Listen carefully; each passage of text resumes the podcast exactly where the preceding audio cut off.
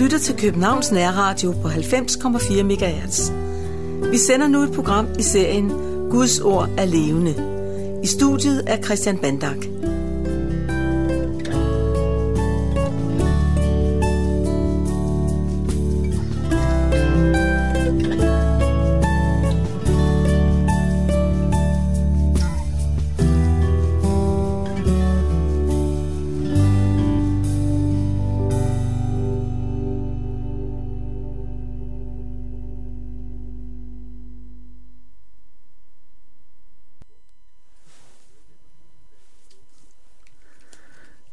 Vi skal høre nogle rigtig store, dejlige ord fra Efterbrevets tredje kapitel.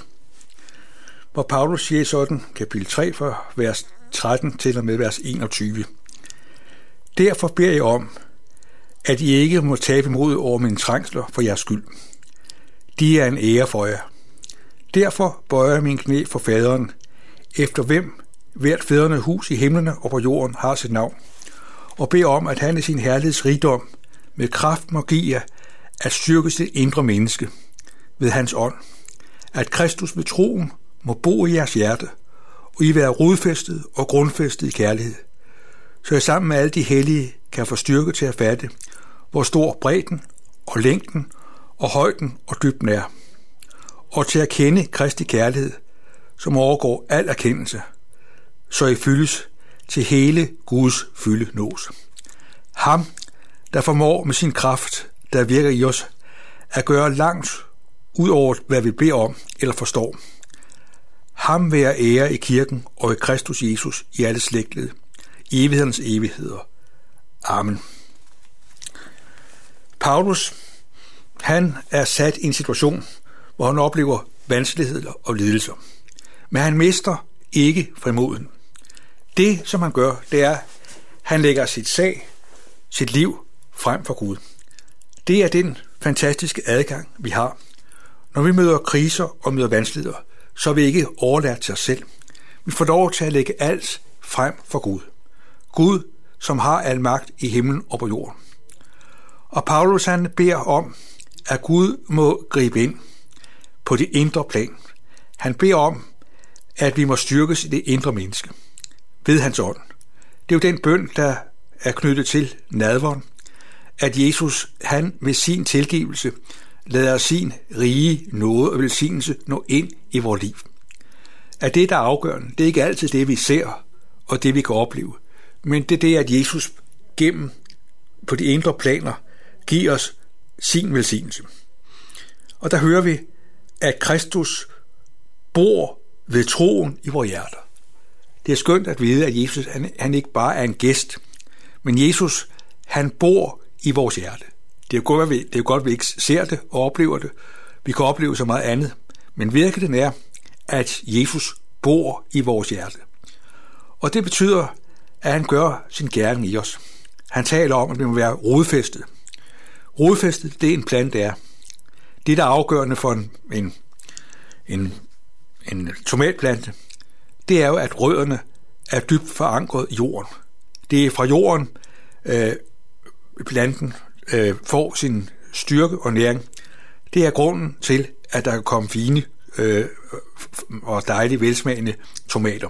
Det er fordi, at planten er rodfæstet gennem rødderne. Sådan er du og jeg rodfæstet igennem Jesus Kristus. Så står der, at vi også er grundfæstet. Grundfæstet, det er et ord, der hører hjemme i, en, i det, at man bygger et hus. Der er det afgørende, at der er en, en grundvold, og her der taler Paulus altså om, at vi er grundfæstet. Og der synes jeg, det er dejligt at lægge mærke til, at der står ikke, at vi er rodfæstet og grundfæstet i vores egen styrke, i vores egen åndelighed og det vi gør. Nej, der står, at vi er rodfæstet og grundfæstet i kærlighed. At det er jo et fantastisk perspektiv, at Jesu kærlighed har en sådan magt og styrke, at det skaber liv, det skaber vækst, og det skaber et fundament, der holder og bærer så lægger Paulus også vægt på at understrege, at det er at være kristen. Det er godt og vel godt og rigtigt noget, vi har i vores eget liv. Men det er ikke bare noget, vi har for os selv. Det er noget, vi har sammen med Guds folk og Guds menighed. Derfor taler han om, at Guds riges vækst, øh, det er en virkelighed, der udfolder sig i et fællesskab. Så i sammen med alle de hellige for styrke og kraft til at kunne leve. Derfor er det så godt og vigtigt for os, at vi kommer i Guds rige. At vi har en menighed. Vi har en kreds, hvor vi kan være sammen. Hvor vi kan være med til at berige hinanden. Øh, Paulus i en anden sammenhæng, at vi er medarbejdere på hinandens glæde. Det betyder jo, at glæden ikke kommer af sig selv, men det er et arbejde, der må gøres. Sådan er det, at vi i vores kristne menighed er sammen, lever sammen.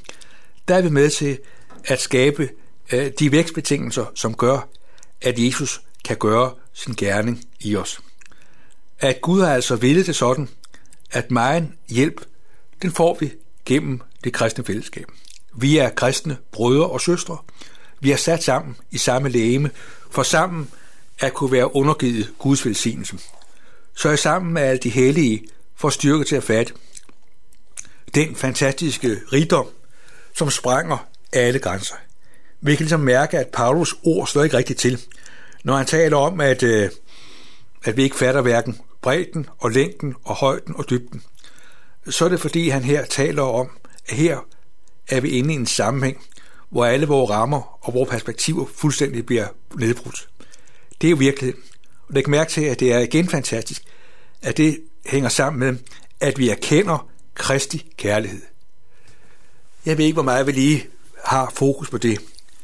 Men nogle gange tror jeg, at vi har det sådan, at vi ligesom tænker, at evangeliet om Jesus, det kender vi. Vi har hørt det, vi kender det både forfra og bagfra. Det tænker vi. Og så alligevel, så er der altså en virkelighed, der er langt større end det, vi lige sådan kan gøre op og måle. Paulus han taler altså om, at det at kende Kristi kærlighed, det sprænger alle rammer og grænser. Han siger, at Kristi kærlighed overgår al erkendelse.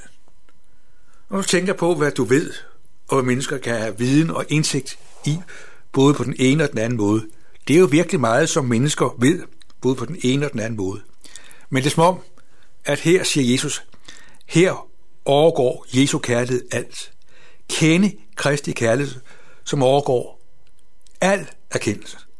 Altså, Paulus taler altså ikke om, at, øh, at Kristi kærlighed øh, spiller en stor rolle, at det er noget, vi kan blive lidt mere klogere på. Men han taler om, at her er der en virkelighed, der overgår al erkendelse.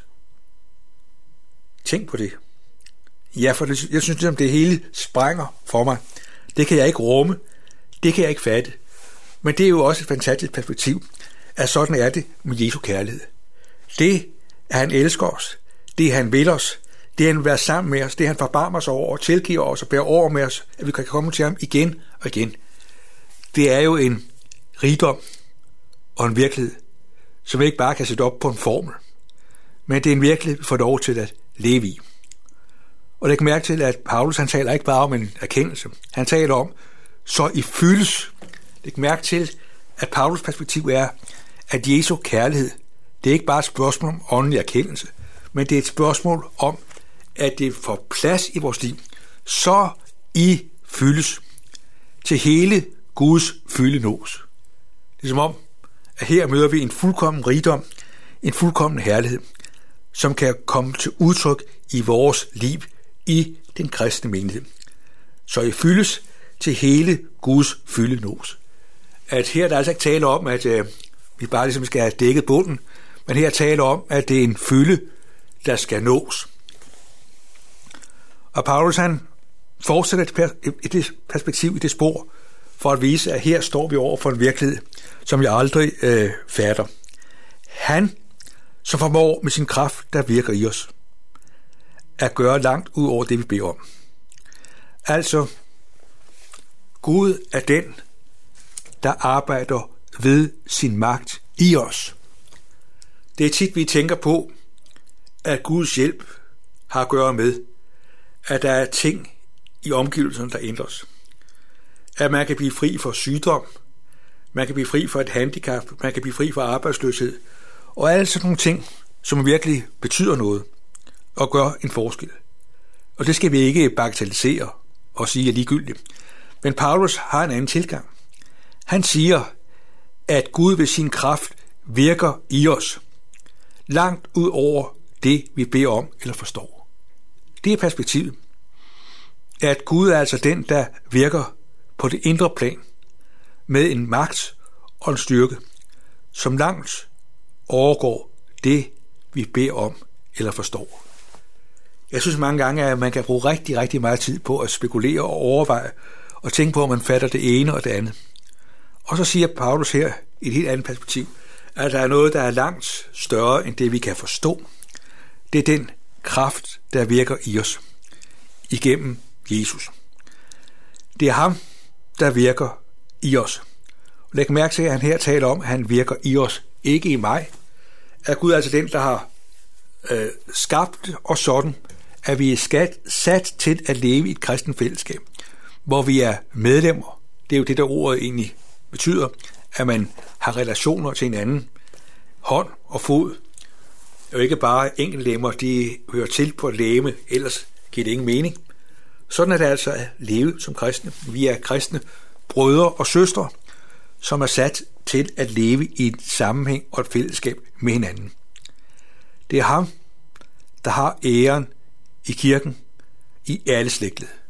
Læg mærke til, det er perspektivet, at frelsen Jesus er en rigdom, som består, som gælder i enhver situation, i enhver, enhver slægtled for os alle. Ham være ære i kirken, i Kristus Jesus, i alle slægtled, i evighedernes evigheder. Og her der får vi lov til at få et blik ind i den fuldkommende herlighed. At der er en, en virkelighed, der er fuldendt. Der er en virkelighed, der ikke kan forbedres, for den er total. Og det er nåden og frelsen i Jesus Kristus.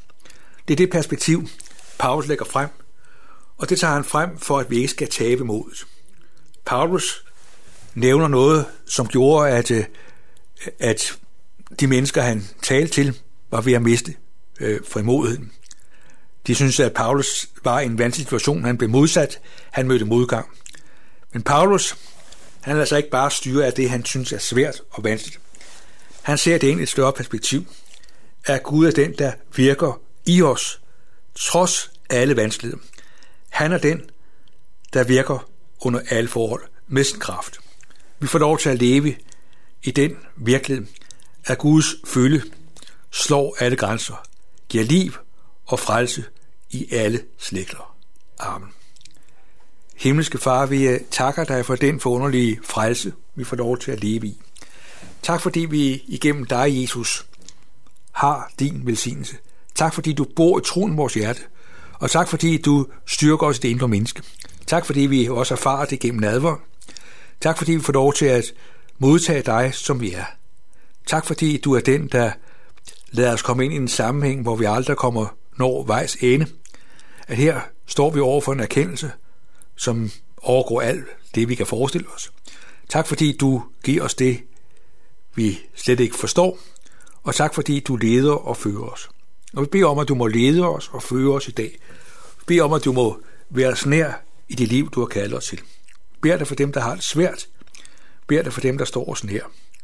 Tak fordi vi får lov til at være omsluttet af dig i din nåde. Amen.